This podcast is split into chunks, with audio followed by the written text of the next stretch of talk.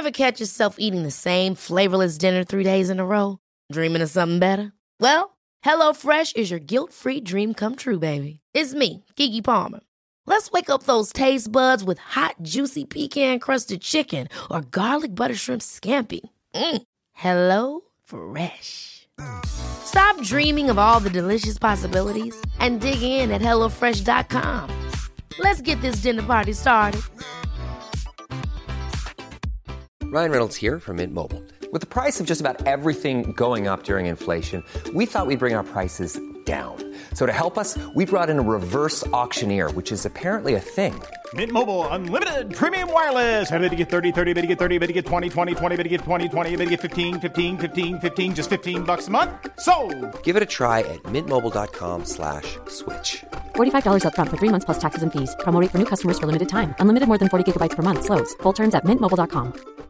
Quality sleep is essential. That's why the Sleep Number Smart Bed is designed for your ever evolving sleep needs. Need a bed that's firmer or softer on either side? Helps you sleep at a comfortable temperature? Sleep Number Smart Beds let you individualize your comfort so you sleep better together. JD Power ranks Sleep Number number 1 in customer satisfaction with mattresses purchased in-store. And now, save 50% on the Sleep Number limited edition Smart Bed for a limited time. For JD Power 2023 award information, visit jdpower.com/awards. Only at a Sleep Number store or sleepnumber.com.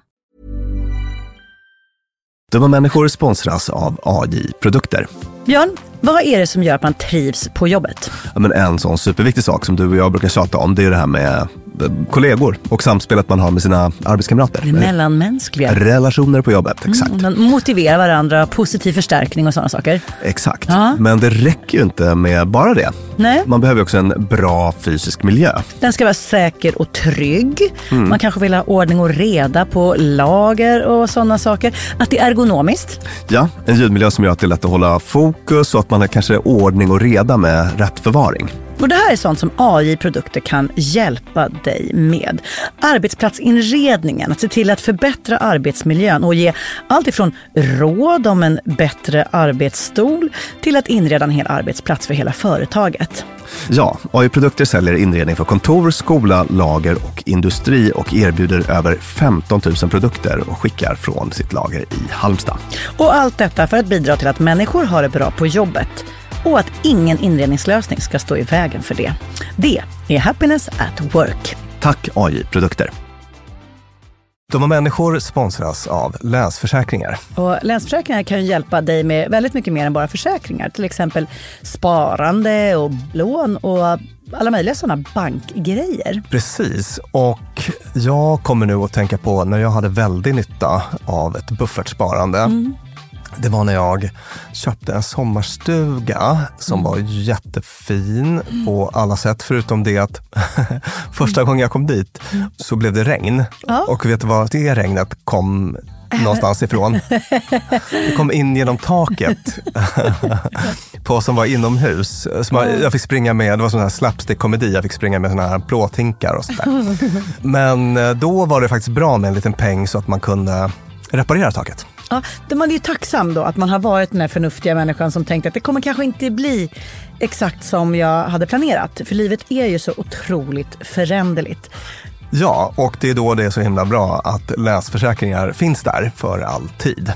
Ja, så när livet inte blir precis som du hade tänkt eller om löften inte kan hållas så är det himla fiffigt att du kan kontakta Länsförsäkringar. Eftersom Länsförsäkringar kan hjälpa dig med lån och sparande till exempel. Tack Läsförsäkringar. Vi fick ett mejl. Vad ska jag göra för att inte bara se mörkret? Nu när krig brutit ut i Ukraina kan jag liksom inte se det ljusa. Jag har ett jobb som påverkas mycket av situationen och jag måste därför vara uppdaterad hela tiden om läget. Så jag kan inte bara stänga av, även om kroppen skriker efter att få rymma bort från det jobbiga. Jag försöker tänka på fina saker som händer samtidigt, mindre saker och sånt jag är tacksam över i mitt liv. Men allt känns så fjuttigt i jämförelse när jag tänker på alla de oskyldiga som dör av bomberna, familjerna som splittras och flyr. Vad spelar ens någonting för roll när det är krig? Jag kommer inte ut ur mörkret. Vad ska jag göra? Det här är Dumma människor och jag heter Lina Thomsgård och mitt emot mig sitter psykolog och författare Björn Hedensjö. Vi är många som känner som brevskrivaren och det är det vi ska fokusera på i dagens avsnitt. Krig berör ju jättemånga ämnen som vi borde ta upp i den här podden. Alltså nationalism, pacifism, upprustning, världskonflikter, diplomati. Alltså oändligt många aspekter. Men idag i De och människor ska vi försöka fokusera på kanske det inommänskliga och mellanmänskliga. Vad händer i oss och mellan oss i tider av krig? Brevskrivaren Björn säger att den har ett jobb som gör att den måste hålla sig uppdaterad på läge. Men även om man inte har det. Jag har det inte, men jag har ju ändå senaste veckan suttit...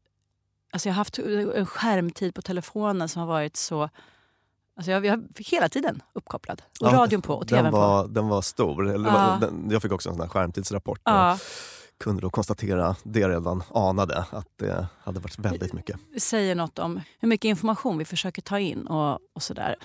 Och jag vet inte om jag behöver braska för det, för vi har ju så kloka lyssnare. Men naturligtvis vet vi att det är oändligt mycket lyxigare att sitta i Sverige och lida av oro än att sitta i en bunker i en källare med döda nära och kära eller med folk man inte vet om de överlever. Men vi måste utgå ifrån var vi är nu och det är vad vi kommer göra.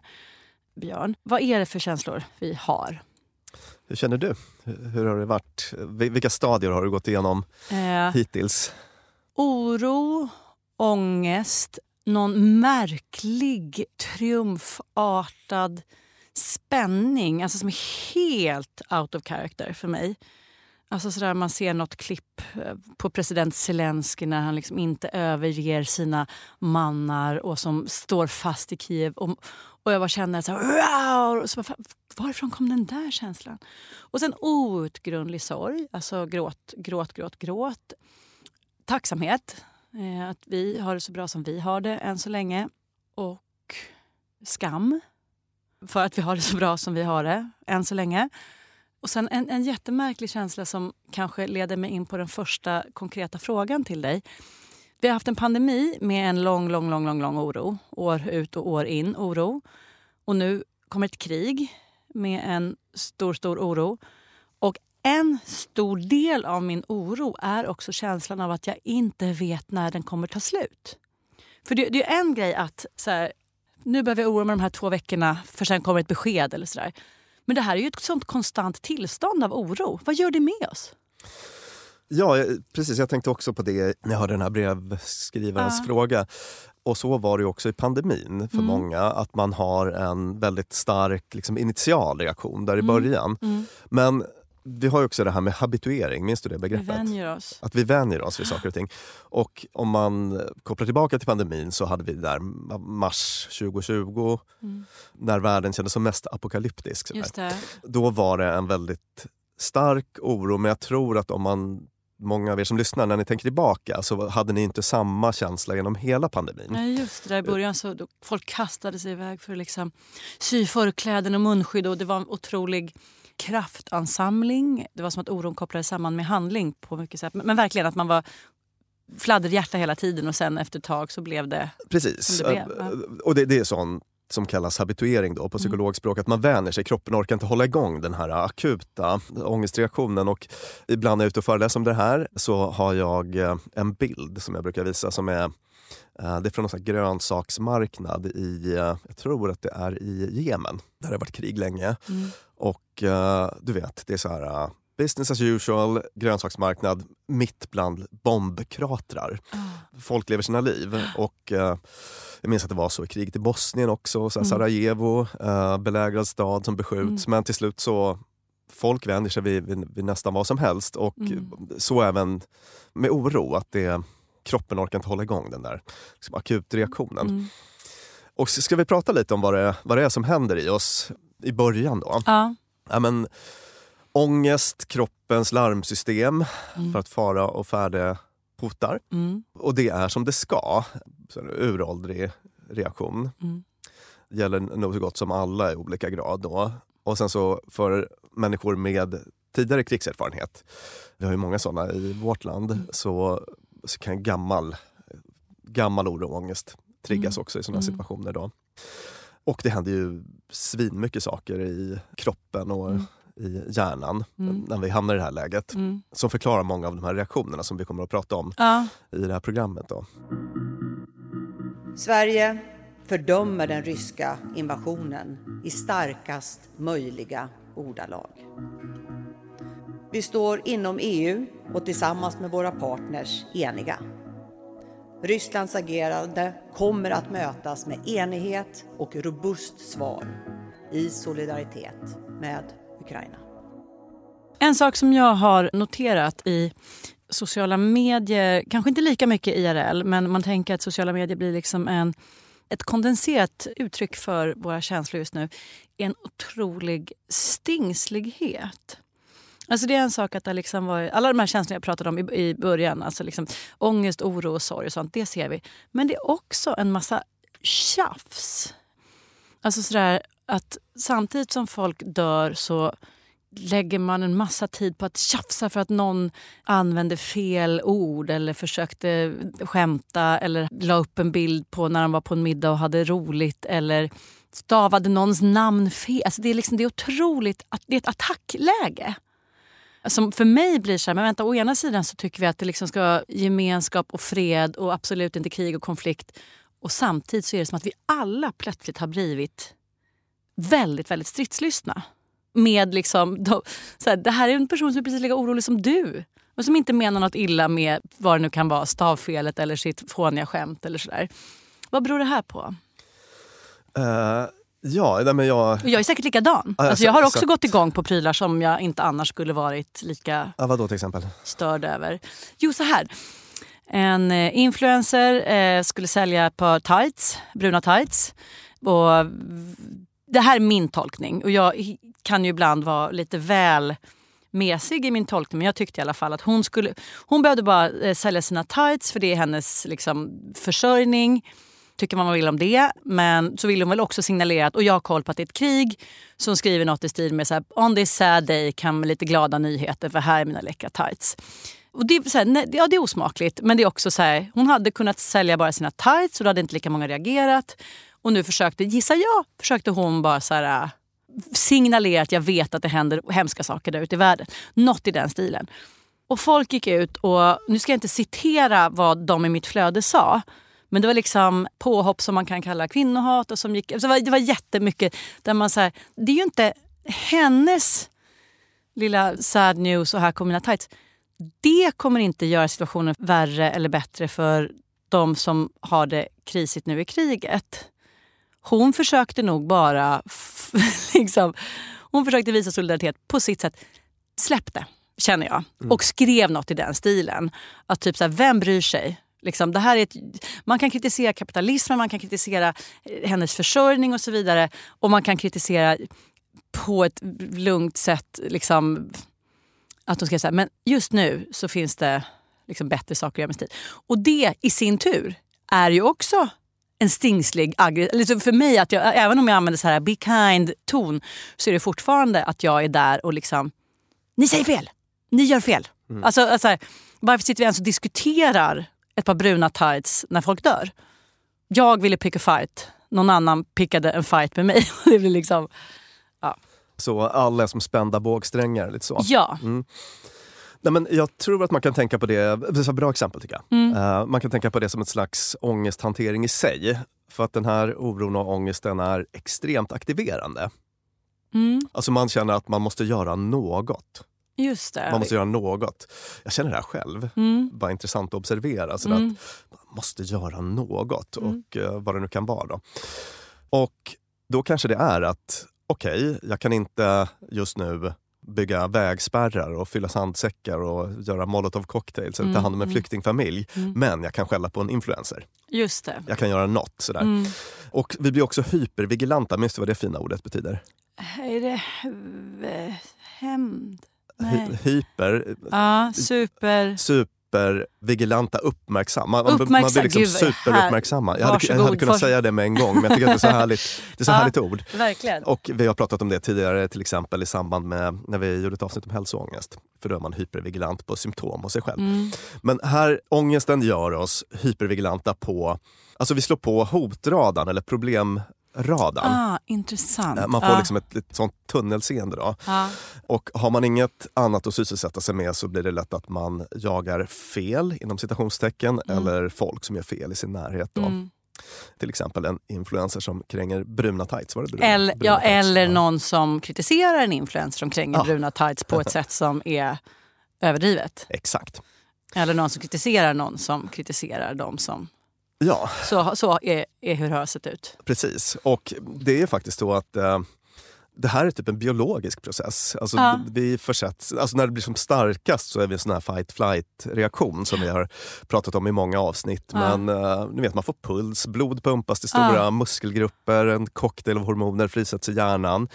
Gör oss liksom väldigt uppmärksamma men dåliga på att resonera. Det här prefrontalcortex, den främre delen av hjärnbarken där vi liksom tänker och resonerar. Eh, Hjärnans kontrollerade VD, eller vad man ska kalla det, som står för kritiskt tänkande och så, kopplar ner och, och den här känslohjärnan slår på. Alltså vi bara funkar lite annorlunda då än vad vi gör när vi är lugna. Och Det som är så märkligt är att vi har ju pratat tidigare om det här med att liksom, om det är ett, eh, ungefär sansa sig och ta djupa andetag och använda system 2 när man ska tänka. Men när man är i den här situationen, att någon har fel på internet eller någon är taskig på internet eller vad det nu må vara. Då känns det ju som man använder system 2. Alltså i bemärkelsen att man tycker att man har så sinnessjukt bra argument. Jävlar! Så att man liksom kan inte hålla sig ifrån. Och så är det så speciellt för att sen när man väl har lugnat ner sig och är ute ur det där skovet så bara... Va?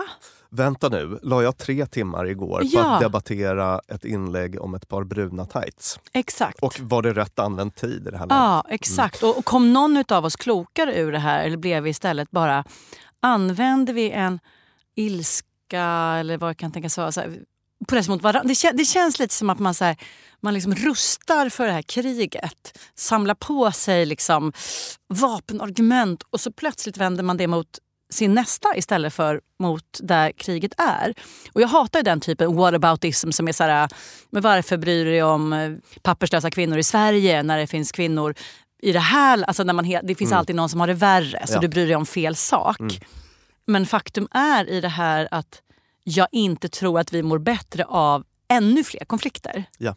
Och det är vad som skapas när vi hänger oss åt den där mästrande, dömande, aggressiva konfliktstilen. Och den, säger du, är en biologisk följd av oron. Exakt. Och, och, och om man eh, bara stannar i sociala medier lite då. Ja. Eftersom det vi började prata om så tycker jag att det är intressant att se hur lätt det är att man faller in i drevmentalitet. Ja. Hur extra sårbara vi blir för det Ja. eh, när vi är i det här läget. Då. Att det blir ju lätt en sån, ett sånt drev då, till Mm. exempel mot den här influensen eller vad Mm. det kan handla om. Alltså att man vill ta den här lite febriga, jag måste göra något energin Ja. och liksom kanalisera den. Och då kan det lätt bli så att ja, man Ska sänka mataffären som hade fel rubrik i ett nyhetsbrev. Ja, Och man bara, men det var någon stackars kommunikationsansvarig som satt och var så jävla stressad över något helt annat så man missade det. Släpp det! och en sån måltavla Mm. eh, i en sån här situation, det är så kallade slaktivister. Mm. Eh, du vet, folk som... eh, Alltså, vissa tar sin upprördhet och riktar den mot folk som kanske lägger till en ukrainsk flagga i sin profil. Vad- vadå, Att, att vi, tenderar att bli arga på profilbildsaktivisterna? Det finns en klick personer Ja. som blir arga på såna slaktivister, det vill säga såna Ja. som eh, typ digitalt markerar vad Ja. de tycker. Men då brukar jag tänka att regeln där är så här, min personliga åsikt alltså, att om man ska hacka på en slaktivist, Mm. det får man bara göra om man själv är något mer. Alltså om jag själv sätter mig i bilen och åker till Polen Mm. och hämtar en flyktingfamilj, då kan jag klaga på en slaktivist, annars kan jag ju hålla tyst. Ja. Bara lite sidospår. Ja. Och, Ja. men, men, men lite så här också, även om du gör det. Mm. Blir världen ett Förlåt, det här är lite Pollyanna, men så blir det en bättre värld för att du håller på och grälar? Nej, Chilla, Ja. be kind och vara liksom tydlig, saklig. Liksom, ge dig på problemen istället för det där jävla jiddret. Jag blir tokig. Mm. Du har ingen jävla aning om vad personen som kanske inte ens eh, har en hashtag eller byter ut flagg. Du har ingen aning om vad den gör eller inte gör. Eller hur den känner och hur den mår. Du får se otroligt lite av en människas aktivitet i sociala medier. Så när det blir såna här Ja, men liksom, och det enda de gör är det här för jag såg en bild när de var på en restaurang. Eller liksom, så bara, du vet ingenting. Mm. Det här kanske är personer som har donerat liksom, mer än någon i ditt flöde. Bara inte markerat det. Och nu märker jag att jag fortfarande är väldigt... Jag är inne i min krigs-PMS här. Ja. Eh, Vilket bra uttryck, krigs-PMS. Ja. Eh, exakt, som en spänd bågsträng. Ja. Mm. En till liten så här, sociala medier-observation som jag... jag såg att stackarna på krisinformation Mm. la ut något om hur du hanterar din oro, vilket ju också vi kommer ta upp alldeles snart. Mm. Och fick ett drev emot sig. För att det är inte oss det är synd om utan det är de som är i krig? Nej. Eller för att Nej. de sa, gav fel tips? Nej, för att det var ganska många som tycker att det är bra med oro. Ja, ja, ja. Mm. Alltså folk blev jättearga. Ja, just det. Eller det fanns en sån klick i alla fall. Vi ska må piss för att det är krig. Tillräckligt många Ja. eh, som startade ett drev. Mm. Eh, Kommer vi få drev för att vi gör det här avsnittet? Ja, får vi se. Mm. Mm. Och då tänkte jag, stackars krisinformation. Ja. Det är jättevettigt att gå ut och berätta för folk hur man kan hantera oro.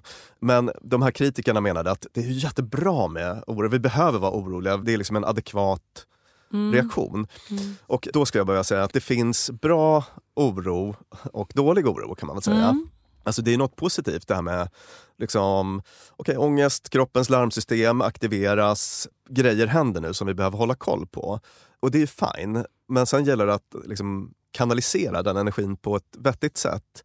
Men oro i sig, b- liksom att gå runt och, och bara må piss egentligen i vecka efter vecka, det är ju inte funkis. Eh, och framförallt är det inte funkis med panikreaktioner. Nej. Vilket många av de här drevarna tyckte då. Det, det är bra att ha panik. Nej, det är aldrig bra att ha panik. Panik är bra när man blir beskjuten. Ja. För då liksom, då kastar man sig i skydd. Eh, då är det liksom en adekvat reaktion. Sådär. Men eh, vi tog upp det i vårt, vi gjorde ett avsnitt när corona var Mm.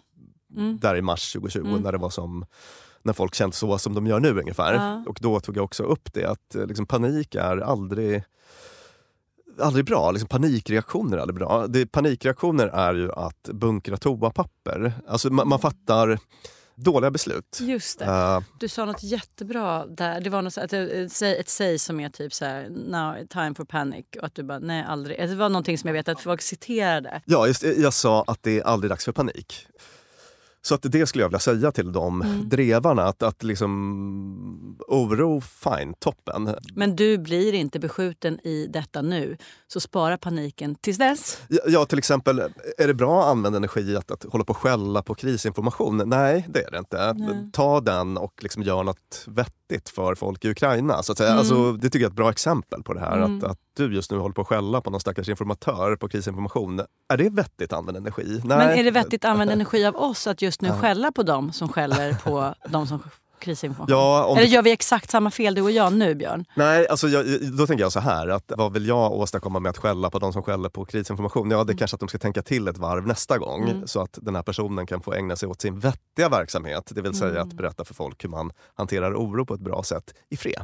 Mm. Men sammanfattningsvis då, folk är ute och ångestdämpar på olika sätt Mm. helt enkelt. Mm. Och jag tänker mig att ett bra förhållningssätt här är att vara radikalt icke-dömande. Mm. Och på ett sätt så var jag lite dömande nu då, mot Mm. de som drevade mot krisinformation. Ja. Men det var inte så att jag gick ut och bråkade med, bråkade Nej. med dem på Twitter. Utan jag tänker just att här är det människor som försöker ångesthantera. Och det blir inte kanske kanon, men så är det för oss alla. Mer eller mindre. Att, att, man, att man får försöka vara extra förlåtande kan vara ett liksom bra förhållningssätt. Och hur gör jag då om jag, om jag anser mig vara tredje part i det här? Säg att vi ser influencer göra sak A. Person B börjar kalla influencer för äckligt benrangel eller något i den stilen för att... Sådär. Hur kan jag förhålla mig till person B? För jag blir ju arg på den Ja. och vill säga tyst. Jag vill inte tolka den välvilligt och säga så här... Gud, det där, så hanterar du oro. Nej, Då nej, man- nej men det, då är det väl bra att säga ifrån. Alltså, ja, man- men, men, okej, ja. det, det, var ett grovt exempel, men generellt, finns det något jag kan tänka på? Om jag ska förhålla mig till folks eh, krigs-PMS på det här duktiga förlåtande viset. ja. Hur gör jag då? Är det att bara strunta i? Bara lämna datorn, inte ge mig in och börja svara för att jag tror att man kan vara ganska provocerande också. Ja, nej, men en- exakt. Eh, Ja, duktighets- det, är supersvårt. Alltså, den psykologiska superkraft man är ute efter här det är Mm. ju effektiv känsloreglering. Alltså Mm. att man ska använda sin energi. Alltså Mm. man, vi har den här febriga, febriga ångestenergin nu. Då. Ja. Och att försöka använda den men på ett så bra sätt som möjligt. Ja. Eh, och det med hjälp av impulskontroll, det vill säga att man kanske inte ska fatta beslut när man är som allra mest känslomässig. Ja. Så att om man märker att man är på G att säga något som man kanske ångrar sen, Mm. och det kan vara svårt att ha den sinnesnärvaron, Mm. men då kanske man inte ska skriva sin, sitt inlägg precis just då. Ja, just. Utan nu så tar jag fem djupa andetag Ja. och kollar hur det känns efter det. Eller nu tar jag en promenad och kollar hur det känns efter det. Eller nu liksom loggar jag ut i en timme och kollar hur det känns efter det. Vill jag fortfarande säga det här? Känns det fortfarande Ja. som rätt sak att säga? Ja, men då gör jag det. Alltså man, vill, jag- man nu- vill agera lite Mm. värderingsstyrt och inte känslostyrt. Det känns lite som att man är så här, en uppblåst ballong av ilska och så måste man bara pysa ut luft, pysa ut luft, pysa ut luft. Tills man är på precis samma nivå som den här personen. Tills man är liksom en människa som möter en människa. Och där tror jag att man kan hitta en kommunikation som är så här, men du vad tror du om det här? Och det kanske är det enda sättet att nå fram. Och lyckas man inte med det då kanske man bara inte ska ge luft åt det. Ja, precis. Och, och de här, nu har vi pratat om sociala medier och sådär men, men jag tänker mig att det finns säkert folk som kan känna igen det här också kanske i sitt privata liv, att man Mm. går runt och är stingslig eller så.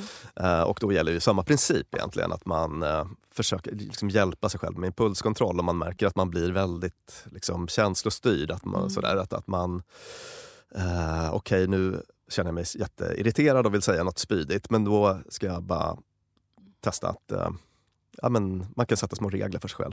Jag tar några djupa andetag och så ser jag om jag vill säga samma sak om en halv minut. Sådär.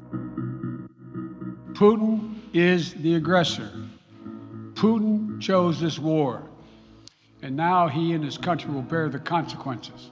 En annan sak som händer är ju att vi ser otroligt många initiativ för att samla in pengar och stödja och hjälpa. Röda Korset, Unicef etc. Men också flera initiativ där folk är så här. Jag tar emot kläder, mat, förnödenheter och åker ner. Jag kan till och med åka hem till er och hämta upp de här sakerna för att sen åka ner. En handlingskraft som är beundransvärd men som jag ser också hur vissa från de här större organisationerna säger är kontraproduktiv. För att det blir rörigt med en massa klädhögar över gränserna som ingen riktigt vet hur de ska hantera. Eller så. Hur det ligger till med det vet jag inte. Jag kan inte uttala mig om det. Men det man kan läsa ut av det här är ett väldigt driv att så här, jag måste få hjälpa. Jag vill inte hjälpa någon som hjälper någon som hjälper någon. Nej. Jag behöver liksom kliva in. Ja. Precis, det är lite samma mekanismer. En stark lust att göra något och att helt gå upp i något handfast så är ju mycket mer effektivt då. Det lockar för att det är liksom kraftigt ångestdämpande. Mm. Och det är ju, kan vara väldigt bra coping på alla sätt och vis. Så att säga. Man mår bra i det själv och man gör något bra för andra.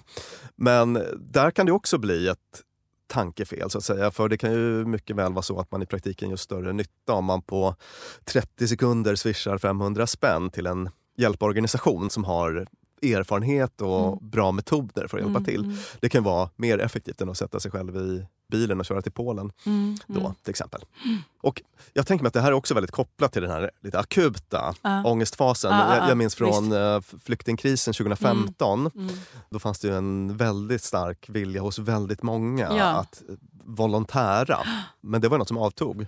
Ja, nej men alltså, det var på gränsen till att man gick ut på gatan och bara “du där! Det. Kom och sov på mitt golv”. Bara, jag bor ovanför dig. Var, varför ska jag göra det? Alltså, Mm. Det var en väldigt, vilket ju, det är väldigt, väldigt vackert. Det- det är är det. jätte, Ja. jättefint att folk är villiga att göra såna uppoffringar och ge så mycket av sin tid.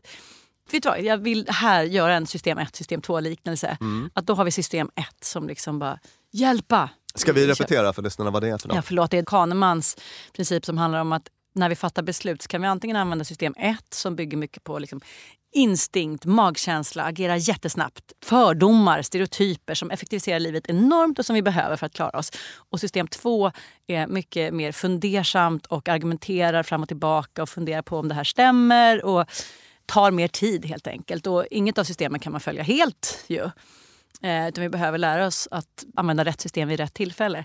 Men eh, kanske att här är en sån situation där vi ska fundera lite över det. Vilket av systemen är det jag använder nu? Visst, alltså, jätte, jättebra. Alltså, jag tänker, system ett är ju det där att nu vill jag gå ner på gatan och hjälpa någon. Ja. Eh, system två är att, att ta upp den nivå och bara vänta, jag kan kanske göra större nytta om jag swishar 500 till UNHCR. Ja. Faktiskt. Men, men det kan på många sätt kännas bättre att göra det där Mm. handfasta. Men nu är vi igen inne på att börja peka finger på hur andra gör.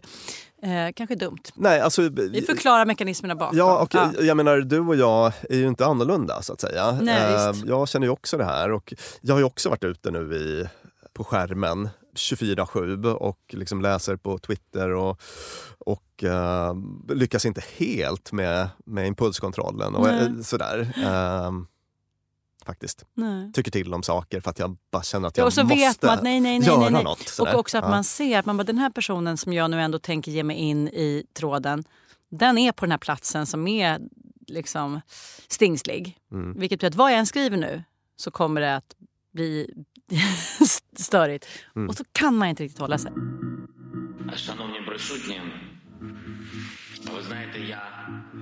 We're fighting. Just for our land and for our freedom. Despite the fact that all large cities of our country are now blocked, nobody is going to enter and intervene with our freedom and country. And believe you me, every square of today, no matter what it's called, it's going to be called, as today, Freedom Square in every city of our country. Nobody's going to break us. We're strong. We're Ukrainians. Ska vi dra igenom en liten lista på hur man kan eh, tänka kring det här och hantera de här starka känslorna och så? Ja, Björn, låt oss göra en lista över hur vi ska hantera det. Vi, vi använder det eh, liksom, gruppnamnet oro.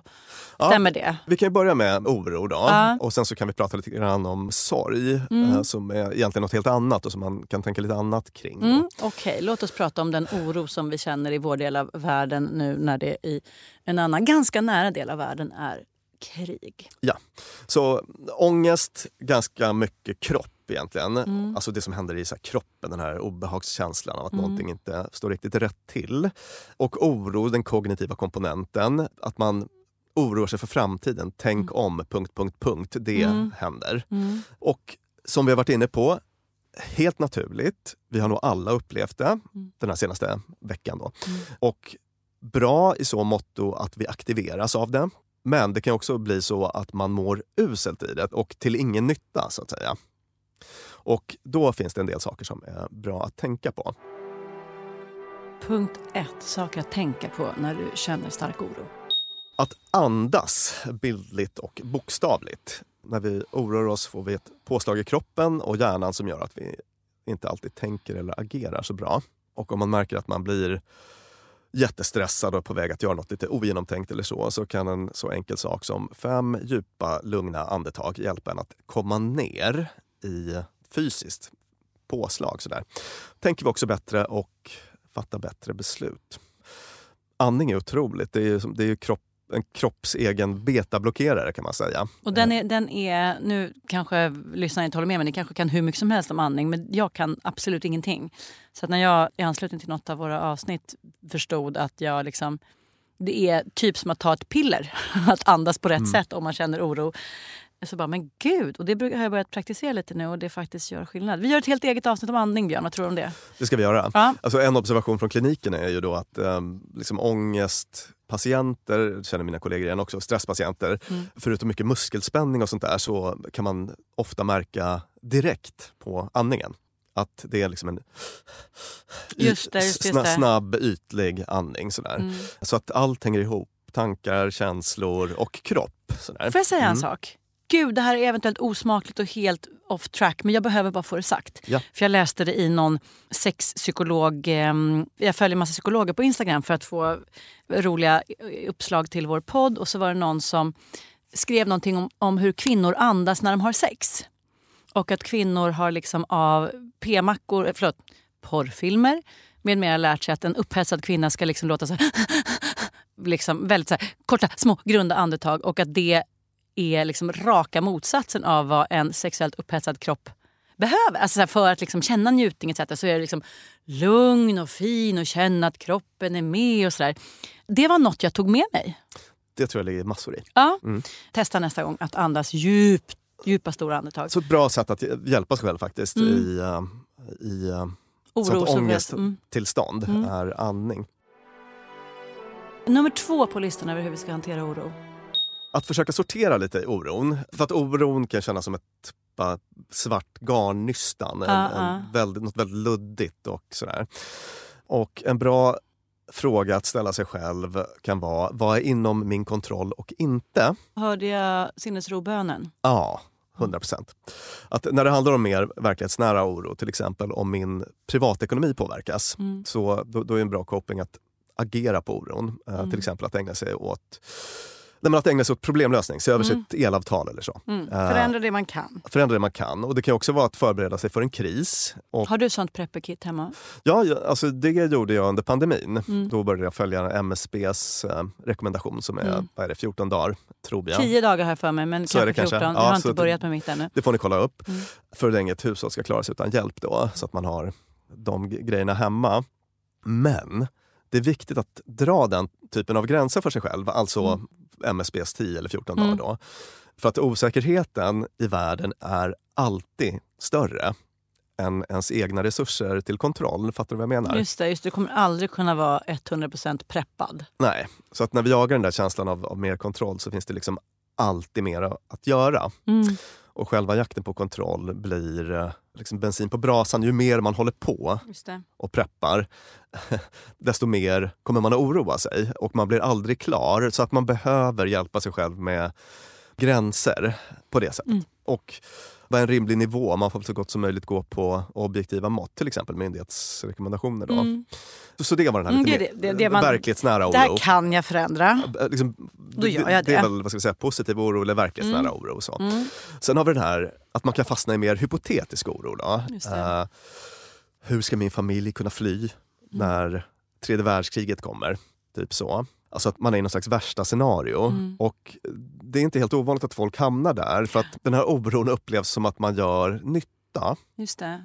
Om man är realistisk, man är konstruktiv, förebyggande. Ja, precis. Genom att tänka på allt Ja. det här som kanske kan hända. Exakt. Så att man drar ut linjen och, och tänker liksom vad är det värsta som kan hända på något sätt och så känner man att nu gör jag nytta. Men i praktiken gör man ju väldigt lite nytta. Det, Mm. det enda som händer är att man mår väldigt dåligt faktiskt i det där. Blir väldigt uppjagad, blir svårt med sömn och, Mm. och, och så. Och man försöker lösa problem som är olösliga för de har inte hänt. Så en dålig plats att vara på. Och vad kan man göra med, med den typen av liksom hypotetisk oro då? En grej är den här två minuters regeln. Känner du igen den? Eller? Ja, vi har pratat om Ja, det. vi har gjort det. Ja. Jag kan ta upp den igen då. Mm. Och det är att Om jag inte har kommit närmare en lösning. Om jag inte har kommit närmare en minuter- lösning. Efter två Mm. minuters grunnande, ältande, oroande. ja, det är sånt man kan ta till om man Ja. antingen ältar saker bakåt eller om man försöker lösa framtida problem. så att Mm. säga. När det har gått ungefär två minuter har jag kommit närmare en lösning Mm. på det här problemet. Har jag kommit till en ny insikt eller så?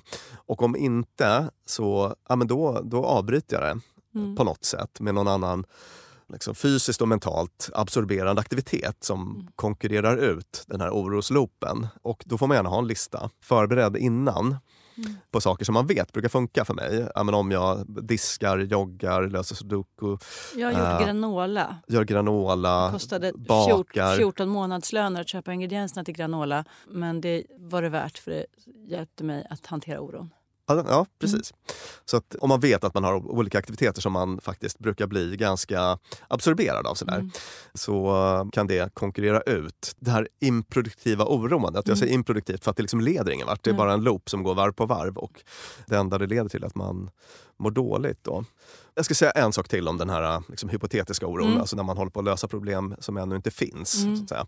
Och ägnar väldigt mycket tid åt det utan att egentligen komma framåt. Då kan man ju faktiskt ta till den här mentala smutstrasan som vi pratade om i vårt orosavsnitt. Det vill säga att varför håller vi på med den här oron? Jo, för att den är på ett sätt belönande. Vi, vi, vi, vi känner att jag gör nytta just nu, Mm. vilket inte är sant. För man löser inga problem och Mm. man mår dåligt i det. Men man har någon sån upplevelse. Det kan också vara att man kanske känner att det här liksom självpratet är lugnande. Eller så. Mm. Eh, att man ägnar sig åt lugnande självprat, löser problem. Eller det har någon, någon slags funktion. Mm. Vi oroar oss för att förbereda oss för det värsta. Det. Men mår dåligt i det. Ja, men då kan man förstöra det där lugnande självpratet genom att bara stanna kvar i osäkerheten Mm. genom lite färdiga mantran av typen Ja, men det kan jag inte veta någonting om. Ja, så kan det bli. Kanske, kanske inte. Mm. Alltså typ så. Vem Eh, vet? Tänk om det blir tredje världskrig. Ja. Ja, tänk om. Mm. Det kan vi inte veta någonting om. Och eh, det kan ju upplevas som väldigt svårt, men det är ett ganska bra sätt att liksom sabba belöningen i den här pingpongen. Du sa smutstrasa. Ja, precis. Den liknelsen bygger på det här. Att, att man ägnar sig åt sån här mental pingpong-oro Mm. som ett sätt att liksom städa i huvudet. Alltså det, Mm. det känns ovisst och osäkert och då Mm. försöker man städa i röran med hjälp av eh, oro. Mm. Alltså Mm, mm, lugnande mm, självprat mm, egentligen. mm. Vad ska jag göra? Vad, vad Tänk ska... om vi inte har något skyddsrum i vårt hus. Vi kan kanske vara i källaren. Men tänk om källaren är låst. Nej, Men då får vi fixa en nyckel. Men tänk om nycklarna inte... Alltså att det Ja, liksom, ja, precis. Mm. Och den här mentala smutstrasan är att man går in och liksom slabbar ner. I, Mm, ja, i- tänk om. Mm. Ma- Man bara förstör den där liksom städprocessen. Mm. Eh, Det, det är så. Det jag, som jag märker, för det där har jag, jag använder det i det stora och det lilla och det är helt ljuvligt. Mm. Så fort jag märker att så här, åh gud den där begravningen, tänk om, så bara, ja, tänk om. Och då stannar man där. Och så upptäcker man att den här platsen av liksom smärta och det, den här platsen man tror man bara vill ifrån. Mm. Tänk om den här begravningen blir alldeles hemsk och tänk om det... Så bara, ja, tänk om. Och så är det som bal, balsam.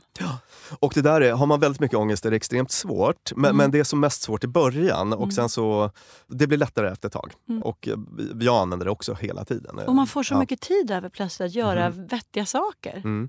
Och för mig så funkar det verkligen som en så här... Jag säger till mig själv att och i såna fall så löser jag det. Alltså det är det jag kommunicerar. Det blir så himla skönt.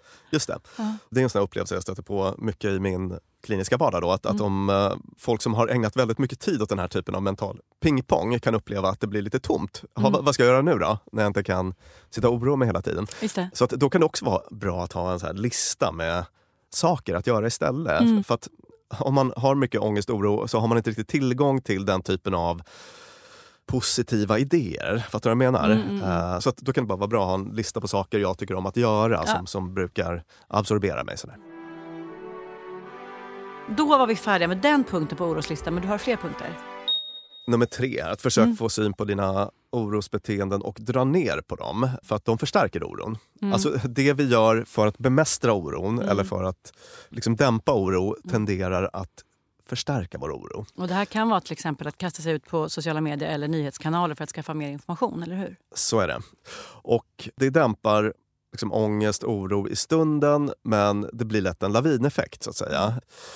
Och det där är ju, vad ska man säga, det var ett så här råd som kom från eh, myndigheter till exempel under Mm. pandemin. Att så här, försöka att begränsa din eh, Mm. nyhetskonsumtion om du känner att du har väldigt stark oro. Mm. Och det är ett kanonråd. Mm. Men det gjorde chefredaktörerna arga. Ja, just det. Så att det var några som var ute och vevade och sa att myndigheterna ska inte hålla på med sådana här råd utan det. eh, det är viktigt att folk informerar sig och så. Men då kan jag säga att chefredaktörerna har fel. Alltså det är viktigt att informera sig, absolut. Men, men det finns ingenting som säger att man måste göra det 30 gånger om dagen. Nej. För de allra flesta är det alldeles lagom att göra det en eller två gånger om dagen kanske. Mm. Och sen så det är klart, under första veckan eller så av en sån här Mm. extrem händelse så, eh, jag menar jag uppdaterar mig just nu 50 gånger om dagen kanske. Ja, ja. Men jag mår inte heller, alltså jag, får ingen, eh, jag har ingen orosproblematik. Sådär. Så, Mm. så att det här är mer ett råd då om man mår dåligt. Mm. Eh, om man mår väldigt dåligt i det här. Man känner att den här ja. oron bara växer och växer Ja. och inte vet vad man ska göra åt det. Mm. Begränsa det till kanske, sätt regler. Begränsa Mm. det till två gånger om dagen. En gång på morgonen ska jag gå in och scrolla första Mm. sidan och en gång på kvällen ska jag göra Mm. det. Du får fullt tillräcklig information. Mm. Och här finns också ett tankefel. Jag hörde någon kvinna i Ring P1, i- han är inte slav Ring P1 i morse, Mm. när det gick igång. Och då så, hennes resonemang var så här att det är vår plikt. Det finns folk som eh, hon gick, Just det, ja. ja. hon gick det minsta vi kan göra är väl åtminstone att utsätta oss för vetskapen Exakt. om hur hemskt de har det. Exakt, det är det minsta vi kan göra. Det, så här, de lider och då behöver vi också, så att säga... eh, Den är intressant. ja, Tänk dig själv om du skulle lida jättemycket och sitter folk i andra delen av världen och stänger av radion för de tycker det är besvärligt med lite oro. nej men, eh, till vilken nytta mår man piss? Så att säga? Alltså, Mm. Gör det livet lättare för någon som sitter och trycker i ett skyddsrum? Nej, det gör inte det. Nej, och det är ju en sak man kan ta med sig om man tenderar att provoceras av att någon lägger upp en bild på en god middag den har ätit eller dens barn gör något gulligt eller sådär. Så känner man att hur kan du bry dig om god mat?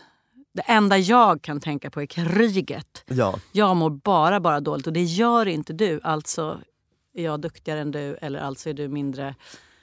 Uh, alltså, att, ja precis. det- Och, och hur ska man tänka kring det där? Jag tycker att man ska ha, eh, återigen, vara så radikalt icke-dömande. Ja. Verkligen anstränga sig själv för, och, och tänka att folk har jättemycket känslor nu och det är svårt. Det Mm. är svårt att liksom reglera dem på ett bra sätt. Folk kommer göra massa konstiga saker. Mm. Tänk på det som en förmildrande omständighet och Mm. vara lite extra liksom, icke-dömande mot dina medmänniskor. Mm. Men sen har vi ju det här begreppet dekorum, alltså att man på något, någon slags gräns finns det ju kan jag Mm, tycka. mm. Alltså så här, äh, jag såg till exempel, äh, det var någon amerikansk äh, sånt här talking head, alltså någon, du vet någon sån här expert ja. som bara, det är så otroligt kul just nu.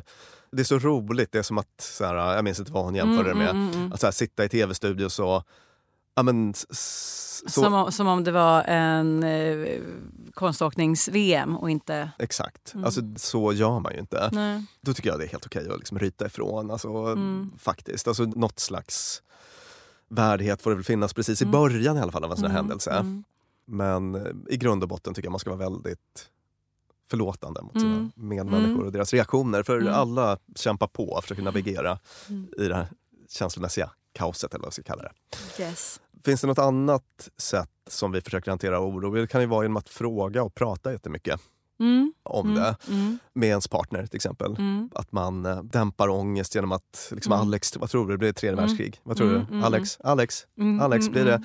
Och det är också så här kortsiktigt ångestdämpande då, men om man fastnar i sån återförsäkrings... Uh, jättemycket, bara söker återförsäkringar hela tiden. Det är en typisk grej som bara förvärrar oron. Eh, så att dra ner på sånt om man märker att det håller på att spinna iväg. Mm. Mm. Och det kan man, ju, om vi tar det här tidigare rådet om att säga ja, så kan det bli.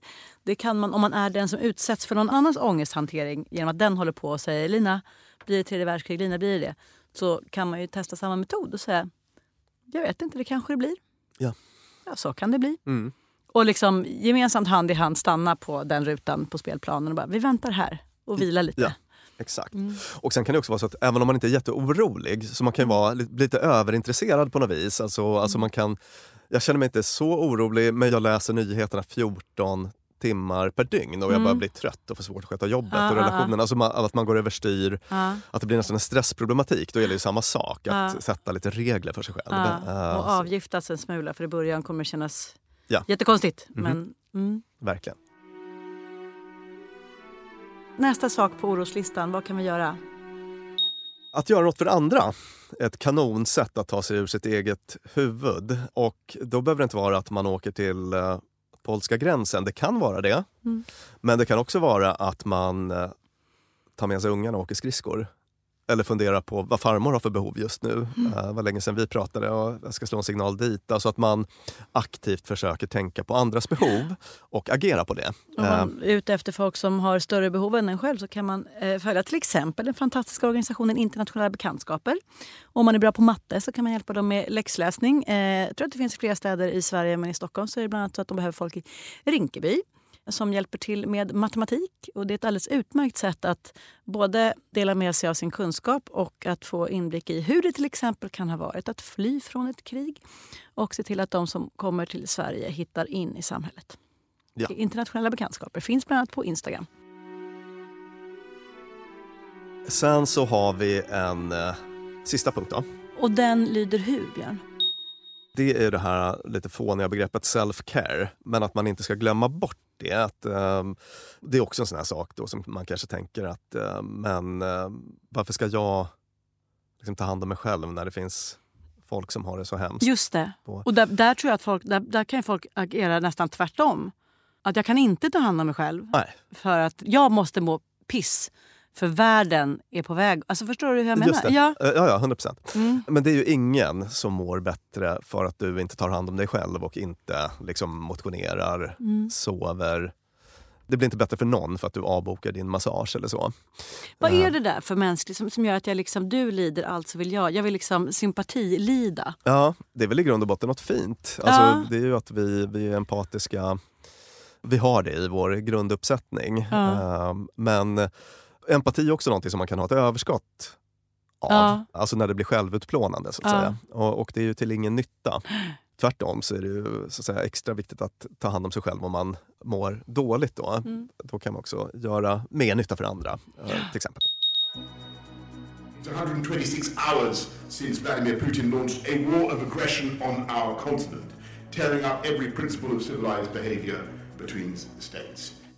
Och sen tänkte jag ska säga något om det här med sorg, nedstämdhet som är något annat än den här oron.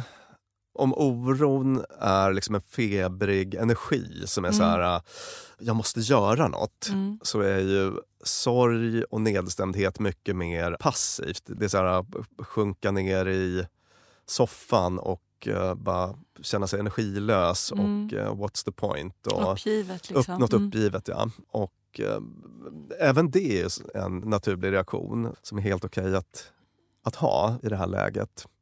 Och att man, man gör utrymme för det, inga konstigheter. Men eh, ibland brukar man prata om så här randiga dagar. Och det, det här gäller också folk som är mitt i det. Du vet, alltså om man är i kriget och Mhm. eh, kanske har liksom förlorat anhöriga och varit med om det mest fruktansvärda. Mm. Ä- Även sådana personer brukar hitta, du vet... ehm, det är inte så att man är hela dagen då i, i något slags liksom, sorgtillstånd, utan man pendlar mellan det och... Jaha, randig som är mörkt ljust, mörkt ljust, mörkt. Ah, eh, mm. och- och det är bra. För man hamnar ju lätt i det här att man liksom kanske inte tillåter sig själv Jag tycker att bullen var god. att tycka att bullen var god. Men det är bra att göra det. Mm. Det är bra och fine att vara i sorgen men också att liksom skratta och, och njuta och eh, så. Vad är annat? Att man behöver den återhämtningen helt enkelt. Mm. Det sa ju du alldeles nyss, men jag tänker att jag upprepar det ändå. Att, att tillåta sig själv att faktiskt må bra i sorg eller trots att andra i andra delar på jorden mår jätte, jätte dåligt. Här, att tänka så här, hjälper det dem att Ja. jag också mår dåligt? Eller är det tvärtom så att jag behöver? Mm. Ju mer jag fokuserar på att jag åt en god bulle desto starkare kan jag bli för att faktiskt sen göra det jag behöver göra för att förändra läget för dem. Precis, och tillbaka till den här brevskrivaren då. Mm. Där tänker jag att ehm, den personen eh, gör nog klokt i att liksom planera in saker som hon eller han vet är bra. Mm. Så, som den personen mår bra i. Mm. Eh, att, att när jag mår bra så brukar jag liksom gå på promenader med Mm. Annika. Ja, men Gör det nu också, även om Mm. du känner att du inte förtjänar det eller Mm. inte har lust. Så att man testar att vara lite kalenderstyrd så att man får den här återhämtningen även nu. Då. Mm. Och provoceras du av att någon annan verkar gå på härliga soliga promenader som om inga bekymmer fanns? Ta ett djupt andetag. Praktisera ett radikalt icke-dömande förhållningssätt. Den här personen kanske gör exakt det här för att stå ut med sin oro. Jag vill också vända mig direkt till barn och unga i Sverige. Många av er undrar säkert vad det är som händer nu och kanske känner sig oroliga. Prata gärna med era föräldrar, med lärare. Det kan göra att det känns bättre. Vi kan inte avsluta det här avsnittet utan att också beröra hur man ska prata med barn. Ja, verkligen. Eh, Barn blir oroliga och de, alltså, redan hemma hos mig, vi har en fyra och ett halvt-åring och en åtta månaders. Tvn och radion står på hela tiden. Och det spelar ingen roll att han leker med lego. Så det är klart han hör att det enda vi pratar om är det. Och i morse kom han med en teckning som han och pappa hade ritat igår kväll när jag hade somnat med bebisen, alltså min äldre son. Och så sa jag så här, gud vad fin med massa glada färger och, och grejer. Så vad föreställer den? Det är kriget! Ja. hur pratar man med barn? Ja, jag har några punkter. Nummer ett, ge barnet saklig information och inte utgå ifrån att fakta skrämmer. Utan mm. bra fakta får barnet att känna sig trygg och som att barnet har kontroll på mm. läget. Alltså jag tänker mig en, en, enkel sammanfattning av nyhetsläget och däremot behöver man inte gå in på detaljer. Vad skulle det säga? Du pratar med mig som att jag är en fyraåring. Vad är det om du säger kort? Nej, men att liksom, Ryssland har eh, startat krig mot ett land som heter Ukraina. Alltså det, mm. lite, lite basics. Och då säger det. Max så här, varför då? Därför att de vill bestämma över de som bor i Ukraina. Mm. Typ så. Eller något sånt. Alltså, mm, alltså ganska mm. enkel mm. fakta. Sådär. Mm. Nummer två, ge barnet hopp och trygghet. Då. I det här fallet kan det vara att man talar om för att jättemånga länder jobbar för att lösa situationen eller mm. problemet. Det är inte här. Nej. Det är långt borta, kan Just man ändå det. få säga? Eller? Ja, absolut. absolut. Och sen så kan man också säga till barnet att eh, men jag har koll på vad som händer där så att mm. du behöver inte hålla koll på det själv. Mm. Utan, utan, att man visar att man själv har den uppgiften. Så. Nummer tre, uppmuntra till frågor så att barnet inte lämnas ensamt med att spekulera. För att precis som du var inne på så, så märker de ju mm. att det är något som pågår. Mm. Så att man bara adresserar det. Mm. Jag satte mina ungar framför Lilla Aktuellt tillsammans med mig första ja. kvällen. Så att nu sitter vi och mm. tittar på det här tillsammans. Så att de inte ska behöva komma till mig själv. Och så kan man ju eh, uppmuntra barnet till frågandet och säga att det är okej okay att fråga igen. Och då är det bättre med Undrar du något eller har du några funderingar mm. än att liksom rama in det som... Är du orolig för någonting? Ja. Är det någonting som du har ont i magen över? Eh, mm. Ja, precis. Mm. Nummer fyra, att man inte ska undvika att prata om jobbiga saker. Ah, anknyter väl till alla de här tre punkterna. Då, mm. att man inte ska liksom ignorera det här utan det. försöka stå ut, stanna i samtalet en stund och vara förstående för att barnet kan ha den här typen av tankar och känslor. Att visa mm. att det är helt okej. Okay. Och sen balansera upp det genom att inge hopp. Då. Inte konstigt att du känner så. Det är många som är, som är oroade. Men just nu finns det inget verkligt hot mot oss här i Sverige. Mm. Typ så mm. skulle man kunna säga. Och nummer fem, att inte överföra sin egen oro på barnet. Att tänka på att det som gör en själv orolig inte behöver beröra barnet på samma sätt. Då. Så att om man känner sig väldigt, väldigt uppe i varv och orolig så kan man försöka ändå att spara det till tillfällen när barnet inte är med. och så. Ja, just det. Uh, just det. Och kanske att den här stingsligheten som jag varit inne på rakt igenom hela det här avsnittet att den ju kanske i viss mån kommer gå ut över barnen också. Eller jag, vi har grälat jättemycket senaste veckan bara för att jag är arg på disken eller handduken på golvet. Sådär. Och att så här, hmm, nu så här, skärpa till mig lite mer. Stingsligheten kommer vara lite mer närvarande, alltså behöver jag anstränga mig lite mer för att inte ha det så gräligt. Precis. Vi kanske dessvärre får anledning att återkomma till det här ämnet. Vi hann ju bara beröra några aspekter av oron. Vi är jätteglada att ni är våra lyssnare och vi är tillbaka snart igen med Fredagsfråga, alltså redan nu på fredag och fler avsnitt av podden. Skicka era fredagsfrågor till oss på domarmänniskor.gmail.com.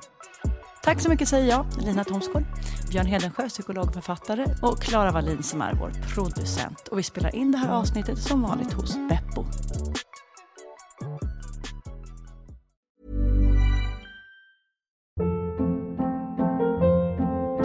Hold up. What was that? Boring. No flavor. That was as bad as those leftovers you ate all week. Kiki Palmer here, and it's time to say hello to something fresh and guilt-free. Hello Fresh. Jazz up dinner with pecan-crusted chicken or garlic butter shrimp scampi. Now that's music to my mouth. Hello Fresh. Let's get this dinner party started. Discover all the delicious possibilities at hellofresh.com.